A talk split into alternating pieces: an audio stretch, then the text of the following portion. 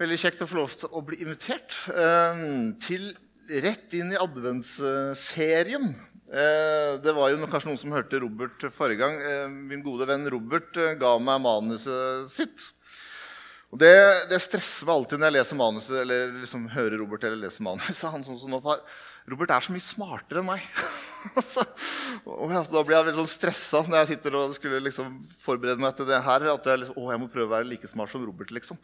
Det har jeg ikke klart, da. Så vi får ta det på min måte. Eh, men det er en utrolig spennende og fin serie. Eh, være i Jesajas-boka og i advent. Og som dere kanskje forsto, så er jo advent eh, litt sånn blanda for meg. Jeg mangler litt tradisjoner i adventstiden.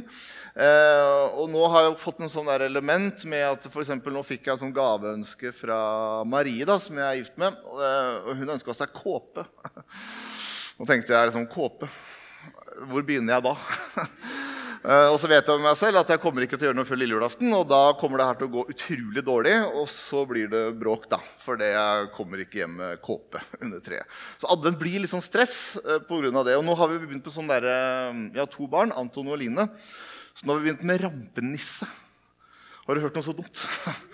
uh, og da må jeg hver kveld idet jeg skal gå og legge meg, så kommer jeg på å nei, jeg må gjøre noe med de der rampenissene. Så her en kveld så sto jeg liksom og spyla dusjen med ketsjup. Og så satte jeg de der to nissene da, nede i det gulvet og så med en sånn ketsjupflaske. Og de ungene syntes det var oi, kjempegøy dagen etter. Uh, utenom hans måte. Jeg måtte, Ketsjup stivner jo. Jeg oppdaga det. Det stivner. Jeg måtte så skrape det der uh, dusjgreiene der. Nei, helt håpløst. Sånn sett er adventstida litt sånn stress, syns jeg. Uh, men så løfter man jo blikket i advent. da. Man blir heldigvis hele veien minna på at advent fører frem mot noe. Det handler om å vende blikket frem mot noe. Mot Jesus. Og at de skal få lov til å feire at han kom til jorden. Eh, nådens år, altså et tidsskille i historien, skjedde i Betlehem når nåden kom til denne jord, midt iblant oss og bor midt iblant oss.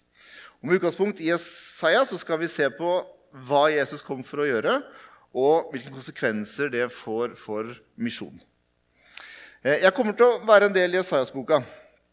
Eh, eh, så hvis dere har en bibel eller en telefon med en bibel, så kan dere bare liksom finne fram Jesajas, og så skal vi lese litt ulike vers derfra. Eh, nå kan jeg tørrprate i tre sekunder mens dere finner da fram Jesajas 61 og vers 1-3. Jeg prøvde å si det så sakte eh, at dere kan få lov til å finne, rekker å finne fram der. Og Der står det som følger.: Herren Guds ånd er over meg, for Herren har salvet meg. Han har sendt meg for å forkynne et godt budskap for hjelpeløse, for å forbinde dem som har et knust hjerte. Rope ut frihet for dem som er i fangenskap, og frigjøring for dem som er bundet. For å rope ut et nådens år fra Herren og en hevnens dag fra vår Gud. For å trøste alle som sørger, og gi de sørgende i Sion turban istedenfor aske Gladens olje istedenfor sorg. Lovsangsdrakt istedenfor motløs ånd. De skal kalles rettferds eiketre, som Herren har plantet for å vise sin herlighet. Det vi nettopp leste, er en, det vi kaller en klassisk Messias-profeti. Altså Jesaja satt så inn i glasskula på en måte, inn i fremtiden.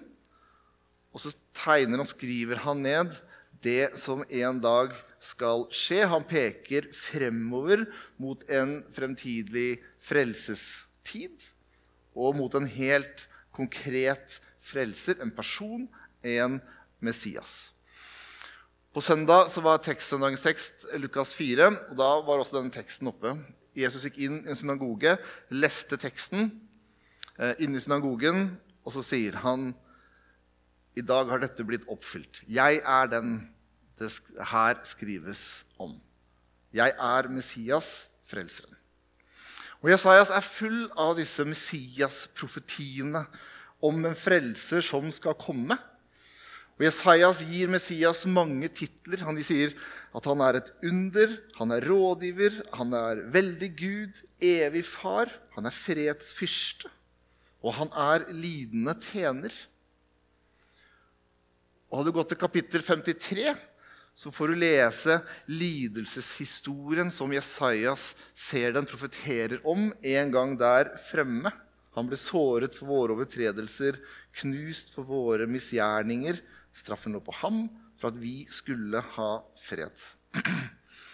Så Jesajas er på en måte inni glasskula og ser fremover, profeterer. Han har en teori, det er en idé om en som skal komme komme for å gi nåde. Nådens år. Og i advent så ser vi fram mot jul, fordi vi feirer at det som en gang var en profeti, en idé, en teori, har blitt virkelighet. Hvor nåden kom ned til vår jord, inn i en stall, hadde to armer, to bein, kjøtt og blod, og tok bolig iblant oss. Nåden ble hengt på et kors. Tre dager senere sto nåden opp, og Jesus har gitt oss full adgang til sin herlighet og sin nåde. Det er julens budskap. At nådens år er her og nå. En ny tid. Jesus kom til oss. Og så er denne teksten vi leste også en tekst med, som, hvor jeg sa jeg får veldig sånn kontraster. Han skriver 'godt budskap for hjelpeløse', ropet frihet for dem i fangenskap', 'trøste de som sørger', og 'lovsang, ikke motløshet'. Det er på en måte lys, mørke, i det som Jesaja skriver, og hvor Jesus kom som lyset. Når jeg leste teksten, så begynte jeg å tenke på en av mine liksom, favorittjulesanger. 'Deilig er jorden'. Eh, og, den har alltid liksom forundra meg, liksom, den sangen. Den ble skrevet i 1850-ish eh, som en fredssang etter en tid med mye krig i Europa. Så Den synges ofte i begravelser eller i gudstjenester etter store tragedier. Så synger vi 'Deilig er jorden'. Og jeg har noen ganger tenkt sånn Hvorfor synger vi 'Deilig er jorden'? liksom? Midt i sorgen. Ikke alltid lett å stemme i 'Deilig er jorden'. Men 'Deilig er jorden' handler om å ta vare på det gode når det er tøft og vanskelig. Det handler om håp der det er vondt. Det handler om lys når det er mørke, og at en frelser er oss født. Deilig er jorden handler om at der det er mørke, så åpna himmelen seg, og en frelser kom ned og ble født. Så uansett hvor mye vondt det er i denne verden, og det er mye vondt, forferdelig mye vondt, så kom Jesus til denne jord som verdens frelser og det er deilig. Det er deilig på denne jord at verdens frelser ble født. For noen år siden, rett før jul, så ringte fattern. Eh, og du vet, Noen ganger så ringer liksom, fedre eller mødre og har de liksom, merker at de har noe de liksom må bare fortelle. Eh, og Da hadde pappa vært på, på Blå Kors og hatt en andakt på Blå Kors. Og så hadde han liksom veldig behov for å, å, å fortelle om det. Eh, og så ringte han om det. da. Og Da fortalte han han andakt på Blå Kors til noen av guttene og jentene der. Fortalte om noen som gikk ut midt under møtet for å ta seg et skudd, kom inn igjen og vitna. Fortalte om eh, sorg i øynene, et tøft liv. Men det han ville fortelle om, det var det lysglimtet han så han liksom, jeg, må bare, jeg må bare si dette. Han så nåden, ikke sant? Hos de. Han så frelsen. Han så det glimtet av hva de hadde sett. Jesus. Og så sa han Du vet hvem Jesus kom for? Han sa han, han kom for gutta på bordet Kors. Han kom for dem. Han kom for deg. Han kom for meg. Han kom aldri for det perfekte. Han kom for alle de som trenger en frelse der det er mørkt og vanskelig. Nåden kom ikke for de få, men nåden kom for alle.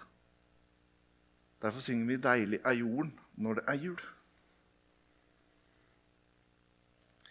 Når vi går inn i jula og inn et nytt år 24 blir vel det så kan vi få lov til å kalle det et nytt nådens år. Og nådens år er hvert år. det er hvert, Hver dag, hvert minutt, hvert sekund så er det nådens år. Og så jeg, når jeg leste teksten, så tenkte jeg også at nådens år handler også om å gi hverandre nåde. Altså gi hverandre det gode i denne verden. Min, min jobb er ofte sånn at uh, annenhver torsdag cirka, så har vi noe som heter ledermøte utland. Og da har vi mange sånn prosjektbeskrivelser om prosjekter i utlandet. Det som skal til Elfenbenskysten, kommer til å liksom se noen sånne prosjekter. Og Da liksom, da er det rammebetingelser, og det er budsjett, og det er liksom teknisk. Og så sier vi ja eller nei til sånne ting. da. Og det som jeg har tenkt en del på det siste, er at jeg har glemt litt menneskene bak de papirene. Bak det tekniske. Jeg har de siste dagene sett igjennom en del filmer og noen hilsener som har blitt sendt inn fra de ulike prosjektene. En fra Indonesia, hvor en psykisk syk mann har fått et verdig liv tilbake fordi noen har brukt tid på han. I Mongolia var det ei lita jente som ikke kunne gå, og ingenting var tilrettelagt for henne. Og så har hun fått hjelp med en rullestol. I Etiopia har en mor fått en trygg fødsel. I Mali har en bonde fått lov til å dyrke jord igjen fordi jorda har blitt fiksa. Bak alle disse liksom, store prosjektene så er det mennesker som blir sett og får hjelp. Vi som kirke skal komme med trøst, med trøstende ord med trøstende hender og trøstende føtter der vi kan. Det også er en del av nådens år. Og så profeterer Jesajas om at det budskapet om et nådens år det skal spres ut i hele verden, akkurat som vi hørte om når Ung Global-teamene var oppe. Jesajas 52, vers 7-10, så begynner Jesajas å berøre dette med folkeslagene. Jesajas 52, der står det Hvor vakre de er der de løper over fjellene, føttene til den som bringer bud, forkynner fred, bringer godt budskap, forkynner frelse og sier til Sion, din Gud er konge. Hør, vaktmennene dine roper høyt. De jubler alle sammen. For med egne øyne ser de at Herren vender tilbake til Sion. Bryt ut i jubel sammen, dere Jerusalems ruiner. For Herren trøster sitt folk. Han løser Jerusalem ut. Herren viser sin hellige arm for øynene på alle folkeslag. Hele jorden får se frelsen fra vår Gud. I Jesajas-boka så får vi disse la oss kalle hint, da, eller profetier, om at dette ikke er bare for de få i Jerusalem. Dette er ikke en stammegud, en, en, en stammemessias som skal komme. Men det er en som skal komme for alle folkeslagene. Veldig få av de Messias-profetiene som profeterer om hvem Messias skal være, liksom, er kobla tett på misjon. Men en av de finner vi i Jesajas. Det er Jesajas 49, vers 6. Der står det Det er for lite at du er min tjener, som skal gjenreise Jakobs stammer og føre de bevarte av Israel tilbake. Altså at, det er, det, er, ikke bare det du skal, det er for lite. Det er ikke bare det du skal gjøre. Du skal gjøre noe mer. Og så kommer profetien. Jeg gjør deg til lys for folkeslagene, så min frelse kan nå til jordens ende. Og så begynner det å tegne seg et bilde i Gammeltestamentet, i profetiene, om at Gud har en større plan enn bare israelsfolket, Jerusalem. Men det er en plan for alle. Hele denne verden, for alle folkeslag. Gutten i krybben kom for noe mer. Og så er den todimensjonal i hos Jesajas. Den er på den ene sida at folkeslagene skulle komme til Jerusalem. I Jesajas 2 så står det Dit skal alle folkeslag strømme, altså til Jerusalem. Hos Gud så er det noe som tiltrekker deg nysgjerrighet. Det er en beundring, det er et, en tiltrekning til å tilbe. Og så kommer man til Jerusalem. Men det er jo en ganske annen tanke enn det egentlig Jesus gir oss. For Jesus sier, 'Gå derfor ut til alle folkeslag'. Sier så Jesajas også noe om det? Så står det i Jesajas 66, vers 19. Jeg setter et tegn blant dem og sender noen av dem som er berget, ut til folkeslagene i Tarsis, Putt, Lud, Meshek med buen, Tubal og Javan, til de fjerne kystene som ikke har hørt rykte om meg og ikke har sett min herlighet. De skal fortelle om min herlighet blant folkeslagene. Og så er det ikke bare én dimensjon hos Jesajas at alle skal komme til Jerusalem. Man snakker også om at dette skal være et budskap som går ut i verden til folkeslagene. Og så har Jesajas dette med å sende ut til folkeslagene, fortelle blant folkeslagene. Og så aner vi misjonsbefalinga i Matteus 28 i de versene hos Jesaja.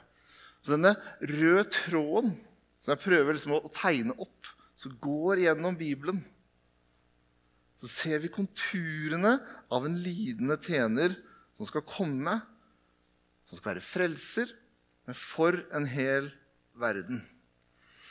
Og vi kan, når vi leser Bibelen eller Jesajas boka, så kan vi lese Bibelen med ett øye. Og det er det viktigste øyet kanskje òg. Dette er en frelser som har kommet for meg. Jeg kan ta imot hans nåde.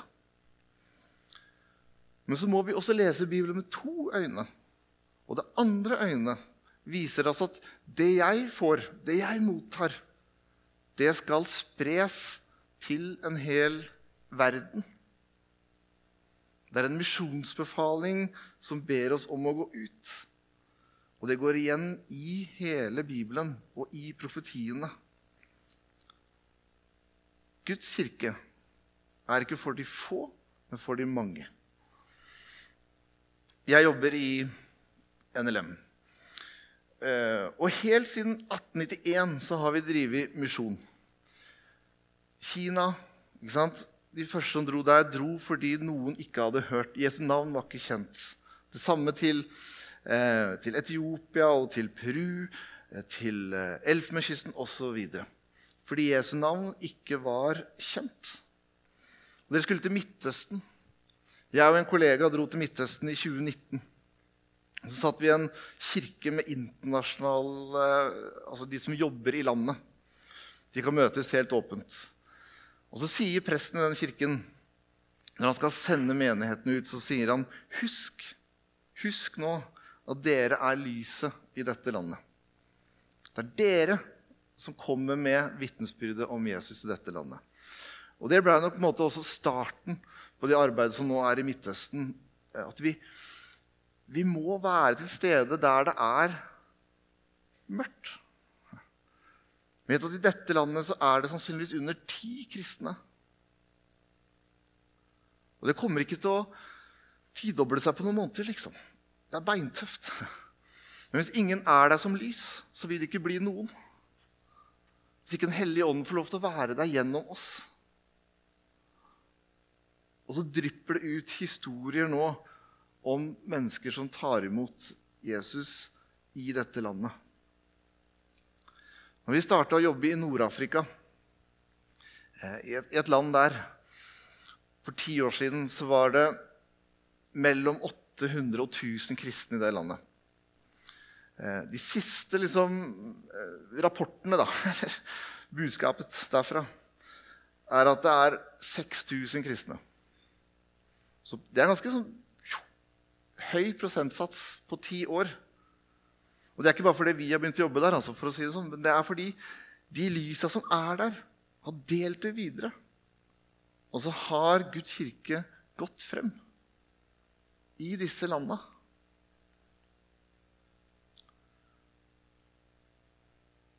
I Mongolia i 1991 så var det under ti kristne. Så har det vokst fram kirker. I det arbeidet som vi står i Vest-Mongolia, så har det vært bitte små huskirker. Veldig få kristne. I sommer så døpte han ene utsendingen vår åtte stykker i en elv. Det var ikke noe kirke å døpe i der, liksom. Det ble en elv. Og det ble åtte døpt. Og nå fortalte han her om dagen at hun eldste av disse som var da tenåring, av barna, Og det samla en ny gruppe og begynte å lese Bibelen med de, som nå gjør at han skal ha dåpsopplæring for de. Disse historiene tar jeg fordi de går helt tilbake til Jesajas-profetiene om at dette kommer til et nådens år hvor Messias skal bli født i en stall, og så skal det gå videre, altså ut i denne verden til alle folkeslag. Og det er DNA-et i Guds kirke. At vi skal ikke bare lese det som blir profetert, men vi skal gjøre det det ble profetert om. Vi skal gå ut med det budskapet til en hel verden, for det er vårt ansvar. Vi som kirke, vi som kristne. At ikke det fins noen tenåringer i et eller annet land som aldri har hatt mulighet til å ta et valg og få høre om han som ble født i en stall. Hvis ikke vi som kirke tar det ansvaret, så er det heller ingen andre som gjør det. For Jesus sier, 'Gå derfor ut'. Folket venta på en ny David. Men Jesus kom for alle folkeslag. Folket venta på en erobrer, men Jesus kom for å etablere et evig kongedømme.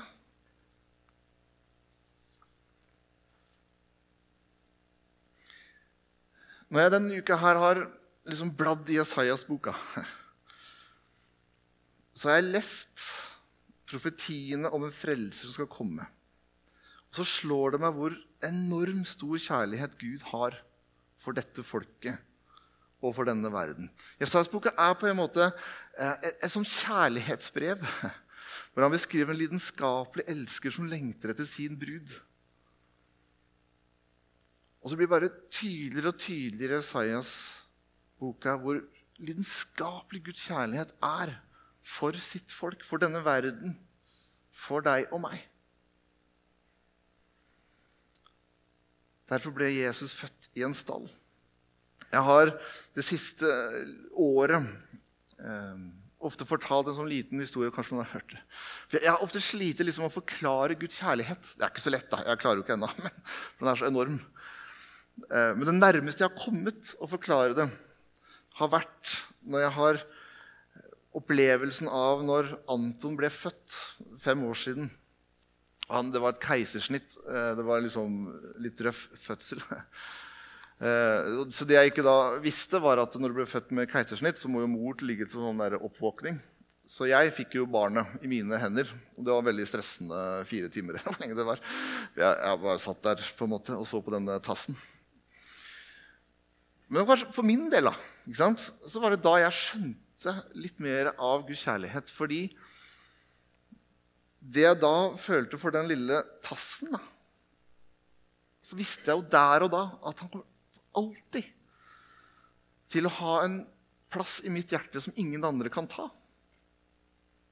Og så Søstera hans, da, som på en måte tok den samme plassen, de to